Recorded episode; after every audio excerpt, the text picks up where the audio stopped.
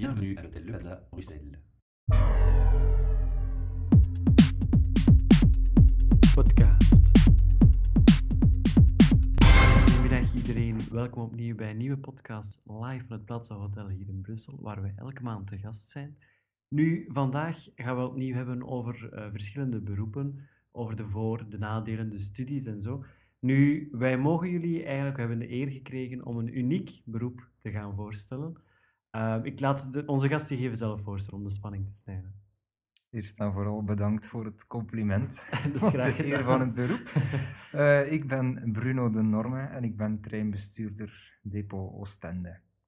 Nu, eh, zoals uw eh, collega daar juist ook al gezegd heeft, ja, er zijn natuurlijk geen scholen voor als treinbestuurder af te studeren. Nu, hoe ben je eigenlijk bij de NMBS binnengeraakt? Het is misschien wat cliché, maar eh, het was mijn kinderdroom om treinbestuurder te worden. En ik had dan het geluk om, eh, als ik 18 jaar was, om te kunnen starten aan een opleiding. Het was juist een moment dat de NMBS op zoek was naar treinbestuurders. Ik heb mij ingeschreven en ik heb het geluk gehad van ook eh, medisch goedgekeurd te zijn en dan konden we starten. Dus er is ook een medische keuring als treinbestuurder. Dat is al iets wat we direct kunnen noteren voor het werk dan. Dat is Ja. inderdaad zo. Dat is vanzelfsprekend dat je toch wat medisch in orde moet zijn om daarvoor aan te zitten, want soms zijn wij met honderden mensen op weg. En eh, het is niet aangeraden om dan iets eh, voor iets te voor krijgen of zo. eh, nee.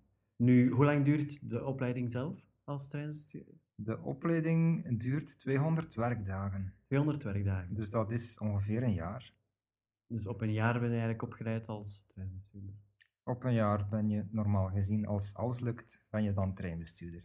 En als treinbestuurder bij de NBS begin je dan eerst met de goederenwagens of ga je direct naar personen? eh, Dat vervoer, was of, eh, eh, vroeger zo, ah, maar heden ten dagen word je eigenlijk direct ingezet in het depot waar je ook de opleiding gekregen hebt. Oké, Ja. dus je krijgt onmiddellijk eh, een vaste positie. Dus als je start aan de opleiding, dan weet je direct, het is om daar te beginnen te werken. En dan ga je ook effectief op die plaats aan de slag. En als je dan wat anciëniteit begint te krijgen, dan kan je natuurlijk een overplaatsing vragen dichter bij huis. Dus je, ik weet eigenlijk op voorhand voor de mensen die graag zouden willen solliciteren. Dus je weet op voorhand waar je precies gaat werken en dan kunnen ze zelf nog kijken, ja, spreekt me dat aan of spreekt me dat minder aan? Of, eh, Ja, tuurlijk, inderdaad. Ja. Dat is zo. Nu, het werk op zich, ehm, ja, ik, ik, als ik bekijk naar een treinbestuurder, die, die mensen die zijn s morgens om vier uur al op de baan en die zijn s'avonds rond een uur of tien komen die thuis. Eh, ik denk dat dat eigenlijk de clichés zijn waarschijnlijk, die, die de mensen ook bij zich hebben. Ehm, ja, is, is- wat zijn dat eigenlijk, eh, het dagdagelijkse? Is dat de, de trend die je vandaag dag hebt om zo vroeg op te staan en laat naar huis te gaan? Of, of heb je wat meer keuze? Eh, nee, je draait mee in een, in een systeem. eh, dus een treinbestuurder staat in een reeks van diensten. Dat zijn vroege diensten, dat zijn late diensten. Dat kunnen nachtdiensten zijn, dat kunnen diensten zijn van 8 tot 4 overdag. Maar dat komt natuurlijk niet zoveel voor. Ja. Het merendeel is vroeg of laat. En dat is dan heel vroeg of soms ook heel laat. Ja, je hebt natuurlijk ook mensen die daar juist de voorkeur aan hebben. Hè. Dan, dan s morgens vroeg beginnen, dan tegen namiddag is het eigenlijk al, eh, kan, kan hun normale werkdag beginnen, dan, dan op het gemakje bij de kinderen thuis. eh, Ik vind dat dat een groot voordeel kan zijn. Ik vind dat persoonlijk inderdaad een heel groot voordeel. Stel dat je vroeg moet beginnen om vier uur s morgens, dan heb je gedaan met werken rond de middag, dan ga je naar huis, heb je nog een hele namiddag dat je thuis bent. Je kan de kinderen eventueel gaan afhalen aan school om vier uur en zo. Dus eh, kan eigenlijk meer je, je dag inplannen eigenlijk. je hebt eigenlijk meer vrije tijd, maar langs de andere kant soms ook wat minder slaap dan. Nu, zijn er nog voordelen aan het werk als treinbestuurder? Dus je hebt eh, het voordeel dat je je dag kan, kan indelen. Dus dat je voor mensen die kinderen hebben, dat je dus ook iets van school kan halen. Eh, want ja, er zijn natuurlijk andere functies waar dat dan nooit mogelijk is. Toch niet volgens de schooluren die er momenteel zijn. Ja. Eh, heb je nog eigenlijk voordelen aan, aan het werk? Ja, Eh, zeker. Heel veel voordelen vind ik. Je werkt alleen. Dus er staat bij manier van spreken niemand op jouw handen te kijken. Je moet natuurlijk wel je werk doen en je werk goed doen. Alles wordt geregistreerd tijdens de rit. Dus elke handeling die een treinbestuurder doet, wordt geregistreerd op een soort zwarte doos. En daar kunnen ze dan wel aan zien van, is dat een goede of is dat een minder goede, eventueel.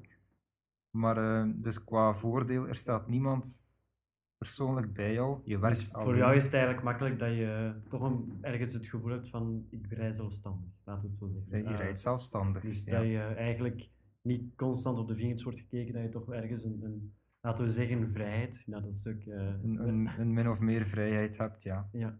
Dus je kan je dag indelen, je hebt de vrijheid van, van niet constant op de vingers bekeken te worden door een baas. Eh, wat zijn zo nog voordelen? Eh, ik neem aan, ja, je krijgt waarschijnlijk een, een gratis treinabonnement. Oh ja, zeker, van de zeker. Wij reizen gratis onbeperkt in de Benelux, dan ook gratis maar beperkt in de rest van Europa. Ehm, wij krijgen maaltijdchecks, wij krijgen een gratis hospitalisatieverzekering ook. Dus dat zijn allemaal dingen. We kunnen eh, meedoen aan bevorderingsexamens. Dat is ook allemaal mooi meegenomen.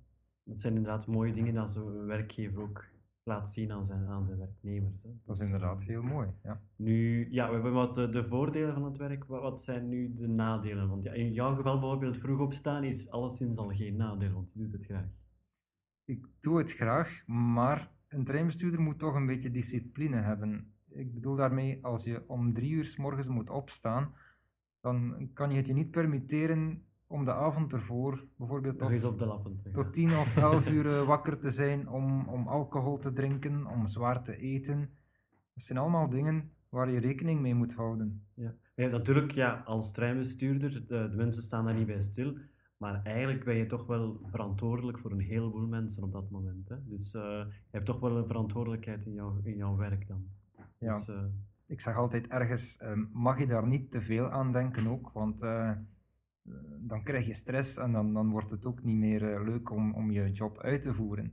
ja. Je hebt inderdaad wel heel veel verantwoordelijkheid, maar langs de andere kant, het is een enorm leuke job om te doen. Eenmaal je, je goed op de hoogte bent van de reglementering en, en goed op de hoogte bent van hoe je moet reageren in bepaalde situaties, Word je daar ook op getraind voor eh, bepaalde noodsituaties? Of, eh, Jazeker, dus tijdens de opleiding worden wij aangeleerd hoe wij bij iedere situatie moeten reageren. En dan ook tijdens, dat we, eh, tijdens de carrière, dan worden wij bijgeschoold. Per drie jaar krijgen wij tien dagen les, bijscholing. Dat kunnen dingen zijn die veranderd zijn in de reglementering. Dat kunnen belangrijke zaken zijn die nog eens herhaald worden ook. Wij doen ook een rit op de treinsimulator in Mechelen. Dus dat, daar kunnen ze situaties simuleren die in de praktijk zelden of nooit gebeuren. maar dat je toch op voorbereid bent. eh. Maar wij moeten daarop voorbereid zijn voor die ene keer dat het eventueel zou kunnen gebeuren. Nu, voor de mensen die, ja, we hebben het juist ook gezegd, je werkt alleen, je, zit, hebt geen baas die op je vingers zit te kijken. Nu, heb je ook zo eh, ergens een, een contact met de collega's? Eh, ik moet ook zeggen, omdat wij, wij spreken soms van bedrijven dat echt zo een familiesfeer hebben, dat dat toch wel belangrijk is. Nu, bij de NMBS lijkt het ook zo te zijn, dus je, je hebt eigenlijk een onrechtstreeks contact met je collega's ook. Of, eh, zie- je die vaak? eh, of, wij zien de collega's niet zodanig veel. Wij starten onze dienst eh, in het depot. Daar blijven wij een kwartiertje ongeveer om eh, onze orderboeken te tekenen. Dus als er werken zijn en zo, daar worden wij van op de hoogte gesteld. Dat moeten wij weten. Daar zien wij wel enkele collega's, maar dan vertrekken wij naar onze trein en rijden wij acht uren of negen uren met die trein en keren we terug. Dan kan het zijn dat we opnieuw enkele collega's zien, maar sommige collega's zien we maanden niet, maar zijn er natuurlijk wel altijd eh, waar je eens naartoe belt of zo. We En- hebben wel dat familiegevoel hoor. En rij je eigenlijk eh, dezelfde trajecten op eh, een dag? Of kan dat iets wisselen, afhankelijk van de interesses? Of, dus iedere, eigenlijk, ja, iedere depot, dus wij kiezen natuurlijk niet waar wij vandaag naartoe gaan rijden. Dat zijn, dat zijn vaste diensten. Eh, maar ieder depot heeft zo zijn eigen specifieke trajecten, want een bestuurder moet ook lijnstudie volgen voor hij een bepaalde lijn mag bereiden. En Dus dat- wa- wat houdt lijnstudie in? Voor mensen die eh, leek zijn, zoals ik zelf. Dus, eh, Lijnstudie houdt in ehm, ten eerste dat je de schema's van de lijn bekijkt ter plaatse in een depot. Van iedere lijn bestaat er een schematisch seininrichtingsplan, heet dat. Moet je bekijken waar staan de seinen, waar liggen de perrons, waar kunnen er gevaarlijke situaties ontstaan en dergelijke.